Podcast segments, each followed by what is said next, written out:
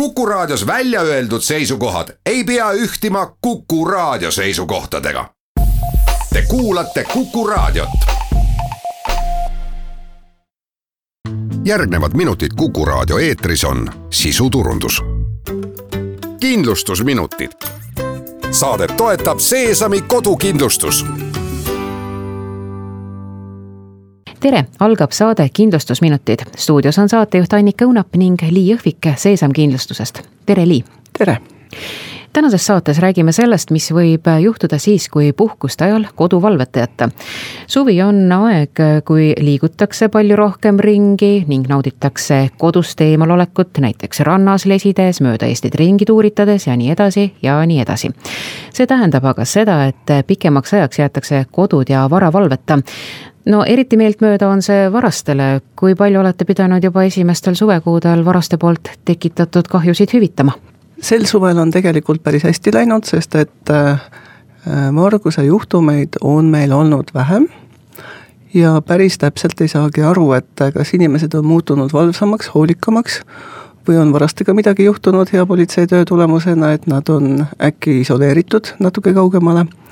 Aga jah, varguse juhtumeid on äh, mõnevõrra vähem, aga samas on olnud ka väga suuri varguse juhtumeid, kus varastatud esemeid on olnud lähedale kolmkümmend tuhat. ja see on nüüd juhtunud sellel aastal juba? see on juhtunud sellel aastal, jah. no see, et äh, neid vargusi on võib-olla vähemaks jäänud, on tõepoolest äh, üks osa, üks osa mängib rolli selles, et inimesed on ise tähelepanelikumaks muutunud ja ja ma tean, et äh, Facebookis äh, levivad pildid, kus siis pildistatakse üles, kes värava taga peatub pikemalt, äh, et oma kvartalit hoiatada, et sellised kahtlased kujud on liikvel. et aga mida vargad kõige enam kodudest himustavad? Kõige rohkem seda, mis kohe kiiresti kätte juhtub. et näha on, et kui see on selline nii-öelda ette planeerimata külaskäik, siis võetakse seda, mis näppu juhtub ja mis laua peal on, telefonid, rahakotid, võib-olla veel mingi tehnika. aga kui on äh, vist natuke kauem planeeritud, et siis on juba, või on siis kauem aega selles majapidamises olla, siis läheb äh, kaubaks ehted, äh, kunst ja muu selline, mida saab siis kas äh, kohe ja kiiresti realiseerida või millel on siis äh, suurem väärtus sellistel juhtudel on kindlasti vargad teinud äh, korralikku eeltööd, et kelle juurde tasub sisse põigata ja kelle juurde mitte. tundub vist küll nii, jah üks teine suurem probleem, mis just hiljuti ka meediast läbi käis, on veekahjud. et ähm, see on üldiselt seaduseks, et kui kodust ära minnakse, siis äh, hakkab asju juhtuma, et mõni veetoru läheb katki või boiler kuidagimoodi hakkab lekkima.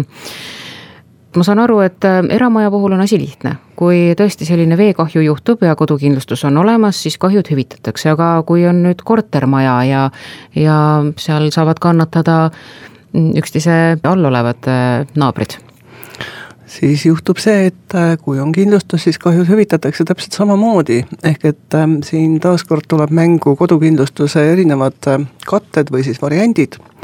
et kui sul on nii-öelda tavaline kodukindlustus, sul on kindlustatud äh, sinu korter varakindlustusena no.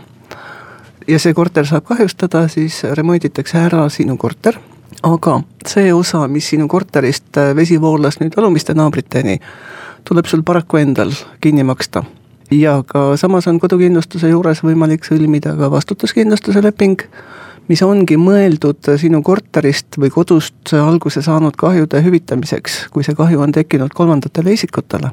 Ja see kahju võib olla päris suur, sest et äh, kujutate ette, et te elate viiendal või üheksandal korrusel, olete pikalt ära, naabrid on ka pikalt ära ja enne keegi ei märkagi, kui tuleb äh, koju esimese korruse naaber ja avastab, et äh, tema korteris tilgub ja see vesi on tulnud sinna läbi mitme korteri. ja see ei ole lihtsalt minu poolt praegu välja mõeldud juhtum, vaid nii on juhtunud kuidas on lood üldse kodukindlustuse tegemisega, et äh, ma saan aru, et need uued majad, mis nüüd kerkivad üsna jõudsalt ja kiiresti, et seal äh, inimesed võtavad laenu ja laenuga ongi juba ju kohustus kodukindlustus sõlmida. et aga just need vanad paneelmajad, et no ma ei, ma kujutan ette, et mõnel eakamal inimesel kodukindlustust ei pruugi olla. kindlasti aga ma ei ütleks ka nii, et need uute majade inimesed väga hästi läbi mõtlevad, et midagi juhtuda võiks, sest et äh, ühelt poolt saan ma aru, kulutused on nagunii olnud suured, et on võetud äh, laen selle kodu soetamiseks, siis on vaja see kodu sisustada ja kuna kõik tundub nii uus ja nii põnev, siis keegi ei mõtle selle peale, et midagi võib juhtuda, aga ometi võib. ja kui see kodukindlustusleping on nii-öelda panga tarbeks sõlmitud, siis ei pruugi ta ka väga aidata sind ennast, kui sul tõesti häda käes on.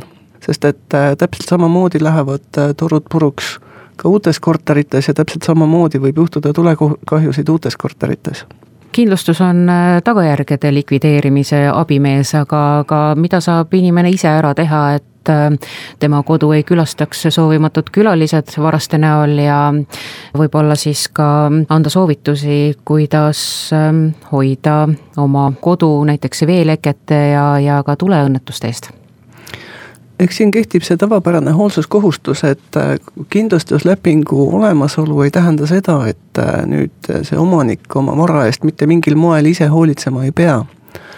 et meil on paraku olukordi, kus kliendid tulevad küsimusega, et äh, korteriühistu otsustas vahetada torud ja nüüd on minu korteri siseviimistlus nii-öelda ära rikutud ja nüüd peaks kindlustus selle korvama, sest tegelikult päris niimoodi see ei käi. et sellised tavapärased ja plaanitud remondid tuleb ikkagi ise katta. kindlustus on selle tarbeks, kui juhtus midagi ootamatult, mida sa ei suutnud ette näha ja mis on tõesti nii-öelda tavamõistes õnnetus. aga mida saab teha, et kui sa ikkagi lähed kodust ära, siis fakt on see, et uksed-aknad tuleb kinni panna, ei saa jätta tuulutusasendisse parem, kui keegi käib vaatamas kodus, kui sa oled tõepoolest pikemalt ära, et mis seal toimunud on ja see, mis puudutab torusid, ka neid tuleb aeg-ajalt üle vaadata ja tuleb hooldada, selles mõttes, et äh, kui on kakskümmend, kolmkümmend, nelikümmend aastat äh, olnud seina sees toru, siis võib eeldada, et ükskord tema katki läheb ja mõistlik on äh, torud ära vahetada no üsna kaugel ei ole ka see aeg, et ähm, kus hakatakse suvekodudest ära tulema ja, ja taaskord äh, linnakorterites elama. aga suvekodud jäetakse üksi, ka seal on ju vara. kõike seda, mida peaks just hoidma ja kaitsma, kuidas käituda? see vara, mis on õues ja nähtaval, tuleb kindlasti siseruumidesse viia. grillid, mööbel tehnika, kui seda on seal. et äh, fakt on see, et äh, õues olevale varale paraku, kui me räägime varguse kaitsest, see ei kehti.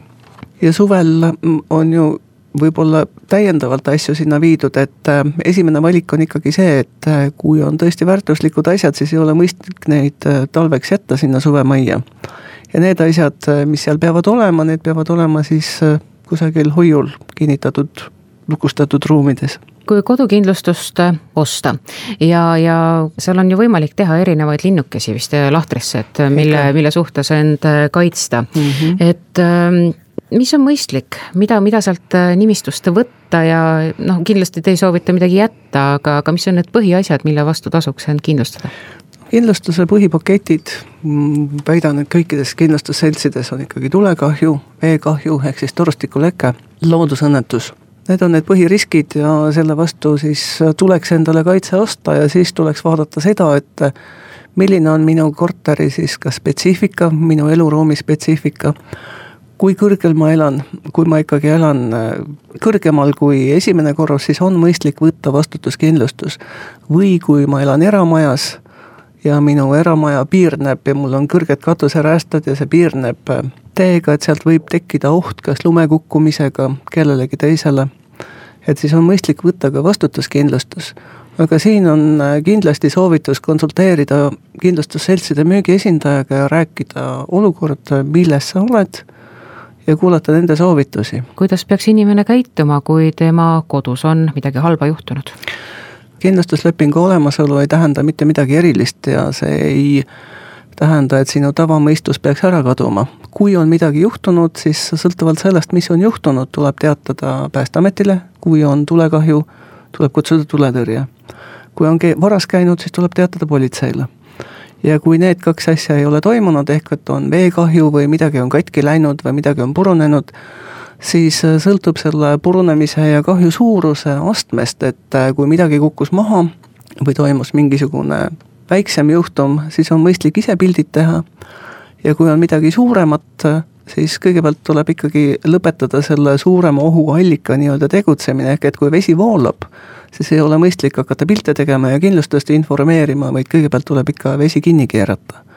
ehk et ähm, selline klassikaline soovitus, mida ma olen ilmselt kordades ja kordades öelnud, et kui midagi juhtub, siis käitu täpselt nii, nagu sa käituksid, kui sul ei ole kindlustust alguses puudutasime seda teemat ka, et kuidas siis tänavune aasta on äh, alanud, aga me rääkisime sellest aspektist, et äh, kui palju on neid vargusi olnud, et äh, mille kahjusid te olete pidanud korvama, aga kui nüüd räägime üldse, mis puudutab kodusid, et äh, sinna alla ju kuuluvad tõepoolest siis tulekahjud, kõik need veeõnnetused, millest me rääkisime, et kas neid juhtumeid nüüd on võrreldes möödunud aastaga rohkem või vähem? natuke rohkem umbes, umbes kuus protsenti rohkem, et eelmine aasta täpselt kuue kuuga sai meile teatatud tuhande seitsmekümne kolmest juhtumist ja nüüd on juhtumeid tuhat ükssada nelikümmend kolm, nii et natukene rohkem. et eelmisel aastal oli kuue kuu väljamaksed natuke üle kaheksasaja tuhande, nüüd on üks koma kaks miljonit millised on need õnnetusjuhtumid, mis nõuavad kõige rohkem teiepoolset abi? kui me summadest räägime, siis loomulikult tuli on see, mis üksikkahjuna põhjustab kõige suurema kahju aga kui me räägime sellistest masskahjudest, et milliseid äh, liigi, mis liigilisi kahjusid on kõige rohkem, siis on need veekahjud kui klient äh, omab äh, kodukindlustust ja tõepoolest see tuleõnnetus võtab tema kodu, kas siis on see põhimõte olemas, et kindlustuse abiga taastatakse see varasem olukord? Jaa, ma ütleks, et äh, taastatakse isegi parem, et meil on kordades kogemusi, kus on kindlustatud olnud selline seitsmekümnendatel, kaheksakümnendatel ehitatud või renoveeritud hoone koos oma küttesüsteemide, elektrisüsteemidega, noh täpselt selline, nagu ta oli sel ajal. ja on toimunud tulekahju ja oleme ehitanud uued majad mis siin ikka, lõpetuseks saame öelda võib-olla seda, et õnnetus ei hüüa tulles, kuid äh, üsna palju on võimalik ise ära teha, et õnnetusi ja halbu olukordi vältida. kodukindlustus tasub kindlasti sõlmida, kuna parem on karta, kui vast kahetseda. absoluutselt õige. aga tänan kuulamast, stuudios olid Seesam kindlustusest Lii Jõhvik ja saatejuht Annika Õunap. kindlustusminutid. saadet toetab Seesami kodukindlustus